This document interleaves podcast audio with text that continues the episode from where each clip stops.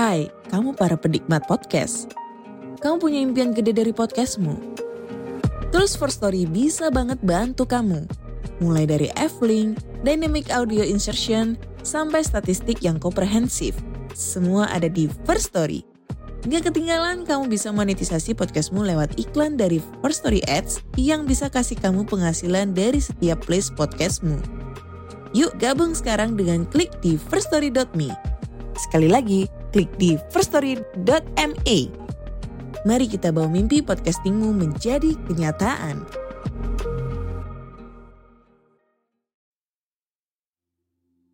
Lisir wangi Seliramu tuh makin sirno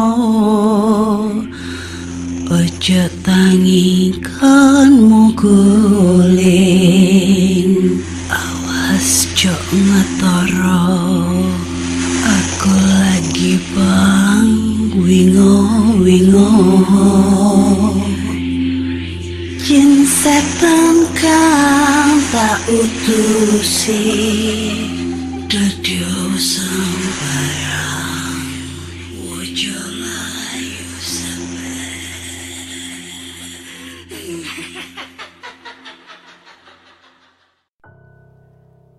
Hai Re, ya apa kabar? Ketemu lagi dengan aku si Ana di podcast kisah horor. Kita bertemu di episode 255. Dan di episode kali ini akan bacakan cerita horor ataupun email berhantu yang sudah dikirimkan teman-teman melalui podcast kisah horor at gmail.com atau DM Instagram podcast kisah horor serta Google Form yang linknya tersedia di bio Instagram podcast kisah horor. Hari ini hari Minggu ya. Tanggal 20 Agustus jam 3 lewat 10 dini hari. Kayak episode-episode di awal-awal ya, selalu bacanya itu di dini hari atau enggak tengah malam. Kenapa aku baca jam segitu? Karena selain ingin menghindari suara bising di luar, seperti kayak anak tetangga ya pada berisik, suara motor, apa segala macam. Selain itu juga aku pengen merasakan eksistensinya uh, pada saat kita membacakan cerita horor gitu ya, bercerita tentang dunia horor.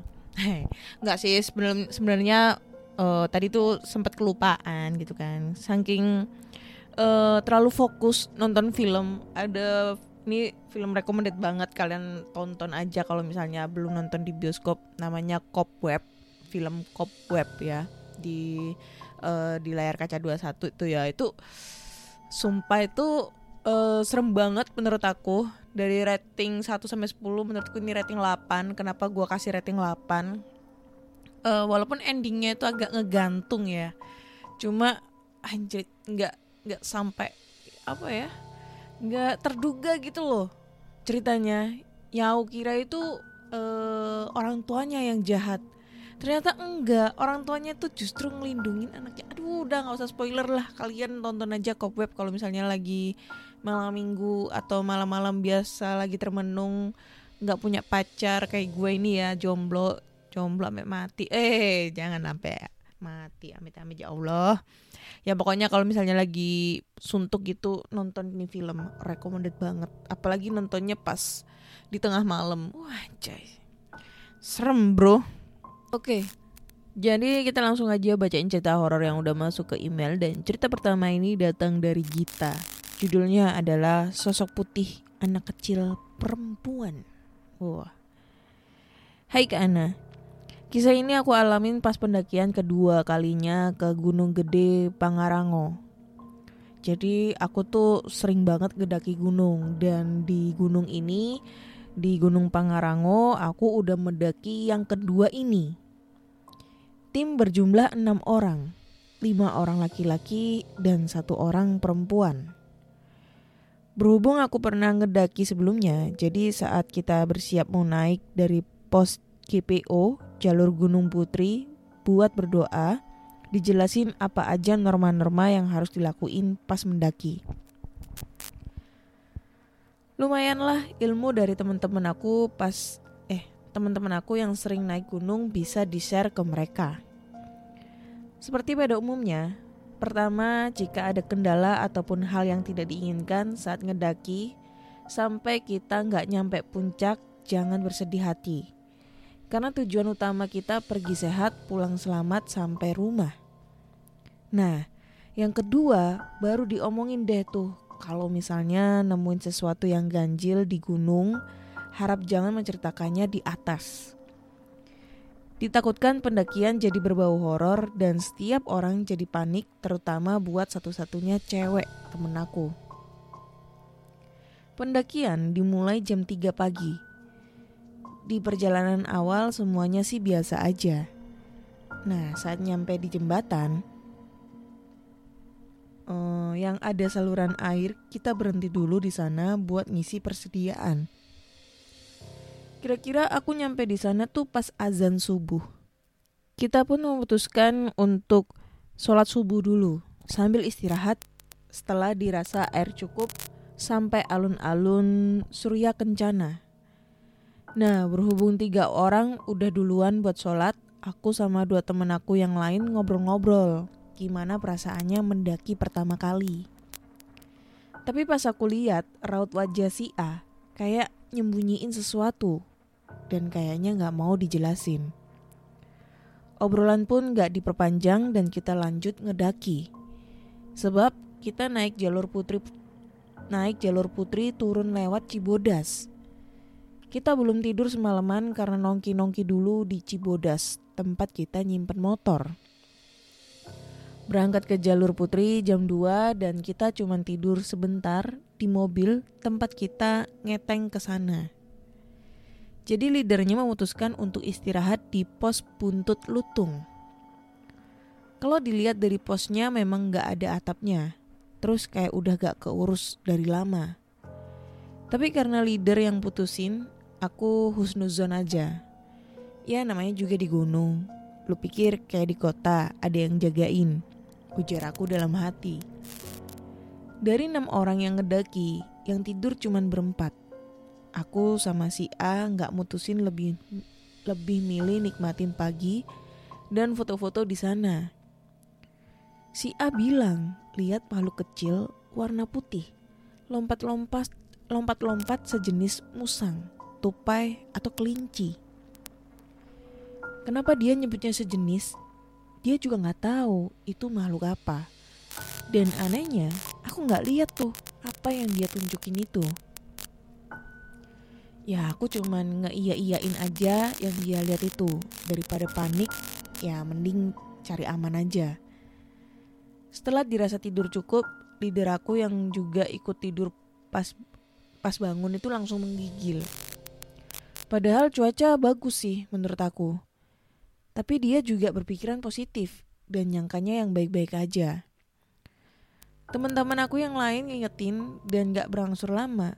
Eh salah Teman-teman aku yang lain ngangetin dan gak berangsur lama kondisinya pun pulih lagi. Pendakian dimulai lagi. Gak ada hal-hal aneh apa pun sampai kita nyampe di alun-alun Surya Kencana. Sesaat udah nyampe, kita langsung dibagi dua tim. Tiga orang bikin tenda dan tiga orang lagi ngambil air. Kira-kira kita nyampe jam satu siang dan aku kebagian yang ngambil air sama si A dan B. Cuaca di atas ternyata nggak bisa diprediksi. Jarak pandang cuman kelihatan 2 meter dan semuanya ketutup kabut. Pas sudah nyampe mata air, aku ngeliat banyak orang-orang pakai sarung dan setelan pengajian lagi ngaci di surken.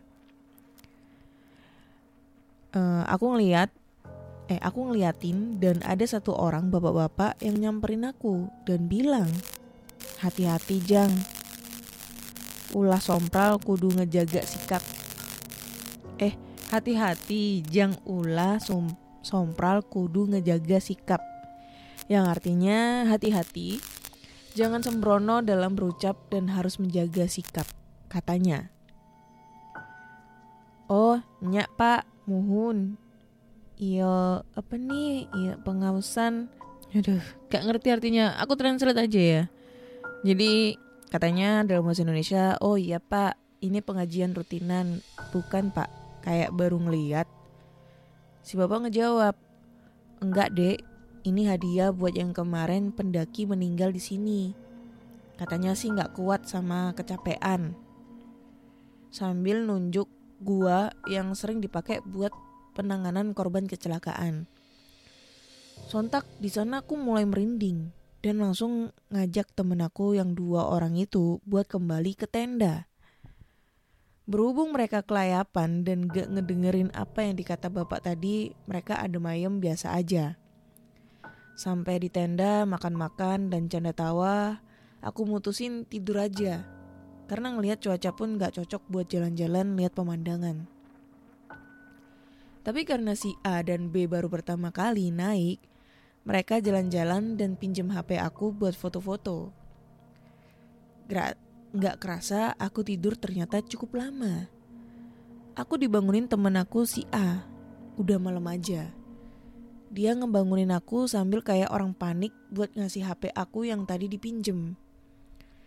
Karena masih ngantuk, aku cuma nanggepin setengah sadar dan langsung tidur lagi. Dan si A pun gak banyak cerita, juga langsung tidur dan nyeret-nyeret ke aku.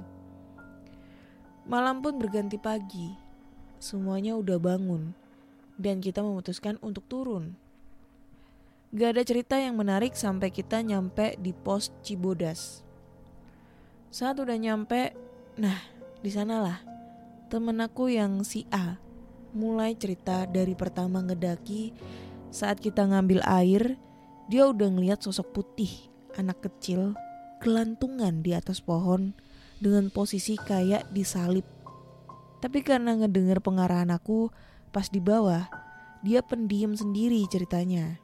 Eh, dia pendem sendiri ceritanya. Lanjut di pos buntut lutung, dia juga ngerasa tahu kalau aku nggak bisa lihat apa yang dilihat si makhluk kecil putih loncat-loncat. Dia bilang itu perwujudan lain dari si anak kecil yang dia lihat pas di jembatan air. Hal serupa pun kembali kejadian pas di Surken. Ternyata sosok putih anak kecil perempuan itu ngikutin dia dari bawah nyampe puncak. Pas dia ngebangunin aku sambil panik, katanya si anak kecil itu pengen ditemenin dan ngajak main-main di Surken sambil nyodorin tangannya ke temen aku pas di depan tenda. Dia panik karena si anak kecil itu nampakin wujud aslinya dari deket banget. Sosok putih, pakai baju serba putih, rambut panjang, wajah pucat pasi. Setelah mendengar penjelasannya tadi, aku langsung merinding dan sontak ketawa. Haha, bagus, bagus. Untung gak diceritain di atas. Kalau diceritain, pasti semua panik, bung. Ujar aku. Setelah obrolan tersebut, kita memutuskan untuk langsung pulang dan semua pergi ke rumahnya masing-masing hingga kehidupan berjalan normal kembali. Dua minggu berlalu, aku pun nyamperin temen aku si A buat minta film di rumahnya. Dan ternyata dia cerita lagi. Tadi aku disamperin si anak kecil. Dia nyuruh aku ke sana, Gunung Gede, buat nemenin katanya. Bibirnya menyeringai polos serem deh. Dan itu sih kak cerita dari aku. Mungkin ceritanya agak gantung tapi semoga cerita kali ini bisa menambahkan dosis horor buat pendengar podcast kisah horor. Oke okay, thank you. Siapa namanya tadi? Gita. Iya, yeah, ceritanya gantung sebenarnya. Agak belibet ya, karena uh, banyak tipoknya di emailnya. Gue jaga jadi agak gimana gitu ngebacainya tapi serem sih. Kenapa gue bisa bilang serem? Ya namanya gunung bro. Gunung itu sejuta mistis. Ya pengalaman sejuta mistis tuh ada semua di gunung. Mau di gunung mau di hutan. Wih di situ pokoknya banyak banget hal-hal kejadian horor yang nggak diinginkan kayak gitu ya dan lagi banyak banget pengalaman-pengalaman yang gak diinginkan pada saat ngedaki gunung karena sudah banyak banget korbannya sih ya kita nggak tahu entah itu korban yang mohon maaf meninggal itu karena ada hal kejadian mistis atau apa kecelakaan kita juga nggak tahu tapi emang banyak banget yang masuk juga ke cerita podcast kisah horor tuh tentang pengalaman horor pada saat mendaki gunung.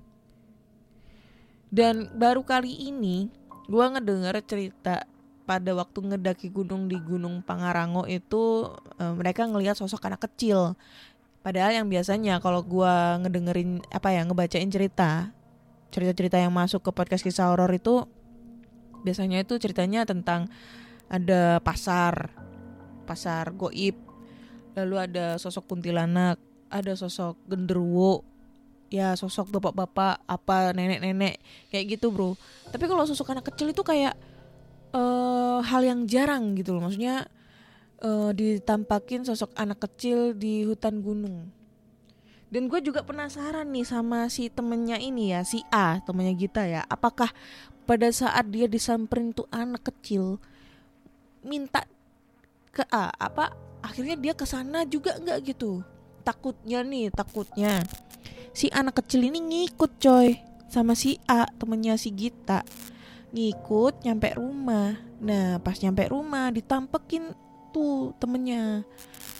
Karena itu bukan tempatnya ya bukan tempatnya si anak kecil itu. Akhirnya minta dikembaliin atau diantar pulang. Nah itu bahaya bro kalau sampai kita nganter pulang kan. Kita nggak tahu bakal ada kejadian apa gitu loh. Tapi kalau semisalnya ini sosok sampai ngikut pulang itu juga bahaya. Hari-hari kita dihantuin bro. Ditampakin anak kecil itu sangat seram sekali. Mending ditampakin anak kecil. Eh salah. Mending ditampakin tampang-tampang eh bayangan mantan dibandingin setan anak kecil.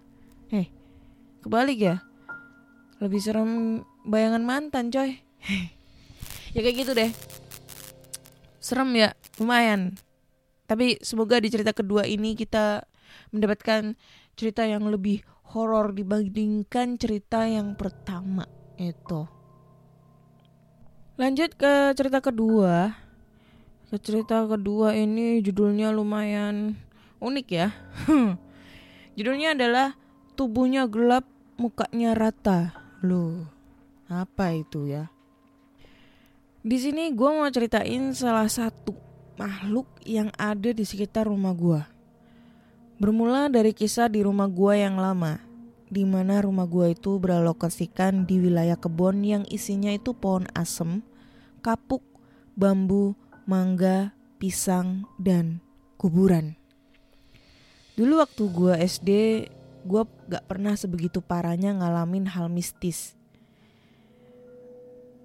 Paling ya cuma bayangan-bayangan biasa. Tapi semua itu berubah ketika pohon asem di belakang rumah itu ditebang buat dijadiin dapur rumah gue. Pohon asem itu milik tetanggaku yang sekarang udah almarhum. Karena emang udah tua juga sih waktu itu. Jadi pas waktu itu pohon tersebut tumbuh di atas tanah almarhum. Bokap gua ngebeli tanah tersebut untuk dijadikan dapur. Tapi karena ada pohon asem, otomatis harus ditebang dulu kan ya. Nah, sampai ketika pohon itu ditebang oleh si pemilik tanah tersebut, yaitu si almarhum. Tapi ada yang aneh di sini. Gue nggak tahu ini horor atau emang udah umur beliau ya. Gak lama setelah menebang pohon tersebut, beliau meninggal. Dan dibangunlah tanah tersebut menjadi dapur di rumah gue. Dapur dan kamar mandi. Sebelumnya udah ada, cuma itu buat memperlebar isi rumah aja. Di sinilah keanehan mulai sering banget terjadi. Salah satu makhluk yang sering banget gue lihat adalah dia, dalam tanda kutip, si gelap. Iya, kita sebut aja si gelap, wujudnya seperti bayangan dan gak ada mukanya. Pertama kali gue lihat dia ketika gue tidur di rumah nenekku. Kebetulan kita sebelahan rumahnya. Jadi waktu itu gue nginep di rumah nenekku. Karena saat itu gue masih umur 7 tahunan lah. Gue suka banget kebangun tengah malam pas tidur. Dan saat itu posisi tidur kita rame-rame di ruang tamu. Sekitar jam setengah duaan, gue kebangun dengan kondisi ruangan gelap. Cuma ada cahaya dari bulan yang masuk dari lubang jendela. Ketika gue bangun, gue langsung duduk di tempat. Sadar gak sadar itu makhluk jelas banget lagi duduk di depan gue. Awalnya gue pikir itu bayangan gue. Gue beras, gue berusaha mendekat dan yang bikin kaget, dia nggak ikut bergerak. Karena kalau bayangan kan harusnya ikut gerak dong ya. Akhirnya karena gue takut, gue nangis di situ. Saudara gue langsung pada bangun. Tante gue nyalain lampu. Dan si gelap tadi gak ada dong. Di situ gue yakin banget itu makhluk astral. Dan kejadian itu gue gak pernah nginep-nginep lagi. Jujur aja itu jelas banget duduk di depan gue dan gimana gue gak parnonya. Kejadian selanjutnya dialamin oleh sepupuku yang umurnya masih dua atau tiga tahunan. Saat itu dia lagi main ke rumah gua. Lalu diajaklah main sama nyokap gua di kamar nyokap. Tiba-tiba itu bocah nangis sambil nunjuk ke arah atas lemari yang ada di kamar. Sambil terbata-bata tuh bocah ngomong, Atut, atut. Begitulah yang kurang lebih ya. Masih lanjut nangis, akhirnya diajak keluar. Singkat cerita, itu bocah udah agak gedean, lima tahunan lah kalau nggak salah. Main lagi ke rumah gua, diajak lagi lah ke kamar nyokap gua. Masih dengan hal serupa doi nangis lagi sambil liatin tuh ke atas lemari. Kali ini berbeda. Karena dia udah agak sedikit bisa ngomong, dia bilang, katanya di atas itu ada cewek tapi nggak ada mukanya. Nah, cerita untuk di rumah gua yang lam yang lama cukup sampai di sini. Lanjutlah ketika gua pindah rumah nih. Tapi jujur ya, rumah gua itu beneran angker banget. Tapi karena gue cuma fokus ceritain sama satu makhluk, ya gue cerita pengalaman yang tentang dia aja dulu. Nah, waktu ketika gue pindah rumah, Barang-barang lama gua beberapa masih ada yang dibawa ke rumah baru. Salah satunya ya lemari itu. Setelah dipindah ru setelah pindah rumah, lemari tersebut gua yang pakai untuk baju-baju gua di kamar. Kebetulan gue punya keponakan dulu, eh keponakan. Dulu waktu baru pindah rumah umurnya masih tiga tahun. Saat itu gue ajak main keponakan ke kamar masih dengan hal serupa di rumah yang lama. Bocah itu nangis sambil ngeliat ke atas lemarinya. Di situ gue udah gak kaget karena dulu hal ini udah kejadian sama sepupu gue. Ya udah, di situ gue cuma bisa senyum aja sambil gue tanya, ada apaan di situ? Gak ada mukanya ya? Hi, doi nangis, tapi masih gue ajak ngomong lagi. Dan dia jawab, Heeh, asli, gue merinding nih dia ngejawab heeh. Soalnya sambil ngetik ini, lemarinya itu ada di depan gue. Nah, setelah gue selesai ngajak ngomong ponakan, tiba-tiba dia nangis lagi tapi nunjuknya beda lagi. Nah, setelah gue selesai ngajak ngomong ponakan, tiba-tiba dia ini nunjuknya ke arah beda. Dia nunjuk ke arah belakang lemari. Nah ini yang terakhir gue ngeliat si gelap itu. Jadi ceritanya waktu itu gue mau keluar, mau ke tongkrongan. Kondisi udah jam 10 10-an malam. Ketika gue mau ambil motor di garasi, garasi gue itu ada jendela yang langsung mengarah ke samping rumah gue. Pas gue mau ambil motor, gak sengaja gue ngeliat ke jendela ada makhluk itu lagi duduk di samping rumah gua. Arahnya itu ke gue, duduknya manis banget. Refleks gue langsung lari keluar. Nah pas gue lari keluar, anehnya dia nggak ada, langsung hilang aja gitu. Itu yang gue alamin soal makhluk bayangan tersebut. Sebenarnya kalau gue cerita langsung, mungkin kalian akan lebih bisa mengerti dengan cerita gue. Karena dengan cerita lewat teks begini tuh kayak bingung gitu ya kak nyeritainnya takutnya juga Kak Ana ngebacainnya belibet juga sih. Jadi mohon maaf kalau agak sedikit berantakan atau gak jelas atau ngebuat Kak Ana ini belibet untuk ngebacainnya. Next, gue bakal cerita tentang pengalaman horor yang lainnya yang ada di rumah lama gue kak. Oke, thank you. Siapa tadi namanya? Wah, nggak ada namanya. Buat ceritanya, serem sih ya. Lemari coy. Untung di kamar gua nggak ada lemari. Lemarinya gua ke- pindah ke ini, ke ruangan samping. Ya, nggak di dalam kamar. Takut. Tapi gua, gua tuh ngebayangin ya, du, ngebayangin dua sosok ini ya, yang pas di pas si pencerita ini dia matiin lampu terus ngeliat sosok bayangan. Eh, iya, pas dalam kegelapan dia ngeliatin sosokan bayangan gelap terus pas dinyalain eh, sosoknya hilang. Sama ngebayangin sosok eh, yang ada di atas lemari. Ini gua kayak kebayang dua hantu di dua film. Kalau kalian pernah ngeliat film Lights Out ya Lights Out itu serem banget. Karena pada saat lu matiin lampu cetek itu sosok ada. Pas lu nyalain nggak nggak ada. Lu matiin lagi ada tuh sosok. Terus nyalain lagi nggak ada. Dan itu sosok semakin mendekat semakin mendekat. Anjir serem. Kalau lu belum lihat tonton deh tuh Lights Out. Gue lupa tuh film tahun berapa cuma itu serem.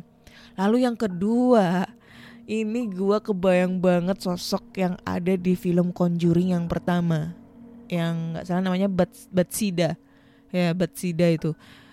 Itu kan posisinya juga sama di atas lemari coy di atas lemari terus aduh serem banget sumpah.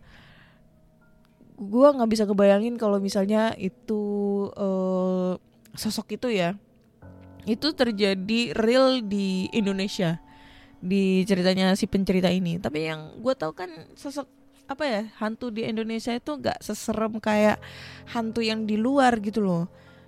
Kayak misalnya film Conjuring itu kan sosok hantunya kan serem-serem banget gitu ya terus film apa gitu pokoknya film-film luar lah. Dibandingkan tuh hantu yang ada di Indonesia. Hantu di Indonesia itu udah ikonik banget. Kayak kuntilanak, terus habis itu wewe gombel, pocong, genderuwo, habis itu tuyul, itu kayak ikonik banget dan itu kayaknya seluruh Indonesia itu sudah merata dengan sosok hantu tersebut. Tapi kalau di luar itu kan sosoknya tuh kan beda-beda ya. Gua nggak tahu sih, cuma kalau ngelihat di filmnya itu apalagi Conjuring kan based of true story ya berdasarkan kisah nyata. Dengan kita ngelihat sosoknya di film itu berbeda-beda dan serem banget itu kayak aduh anjir.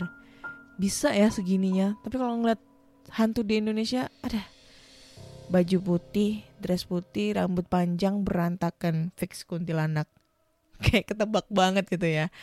Eh, ram bajunya merah daster merah abis itu rambutnya berantakan panjang fix kuntilanak merah. Kayak ketebak banget gitu loh hantunya itu ya. Kayak gitu guys. Lumayan serem sih ini menurutku tapi eh kalau misalnya ini sosoknya itu kayak model-model di film-film luar gitu Hollywood itu aduh anjay. Gue nggak bisa ngebayangin tuh ya gimana kalau itu terjadi sama gue gitu guys oke kayaknya di episode kali ini cukup dua cerita aja dan menurut aku cerita di episode 255 ini serem-serem semua ya tapi menurut kalian gimana? Ceritanya serem apa eng- enggak? Kalian bisa langsung aja eh, komen-komen di kolom komentarnya ya di Spotify atau di Noise. So buat teman-teman semua, kalau kalian punya cerita-cerita horor seperti cerita-cerita yang sudah ada nih, sudah kalian dengerin di, di podcast kisah horor, kalian bisa langsung aja kirim ceritanya ke podcast kisah horor at gmail.com atau di Instagram podcast kisah horor serta Google Form yang linknya tersedia di bio Instagram podcast kisah horor. Lalu jangan lupa nih kalau pengen traktir gua sama kuntilanak nih buat makan es cendol, minum es cendol, makan atau minum gua nggak tahu. Kalian bisa langsung aja nih ya nyawer-nyawer kita di Saweria yang linknya ada di Linktree di bio Instagram podcast kisah horor. Jangan lupa juga dengerin podcast kisah horor di Spotify, Google Podcast, Apple Podcast, Noise dan masih banyak platform podcast kesayangan kalian. Akhir kata saya Ana undur diri dan terima kasih sudah mendengarkan podcast kisah horor. Bye bye.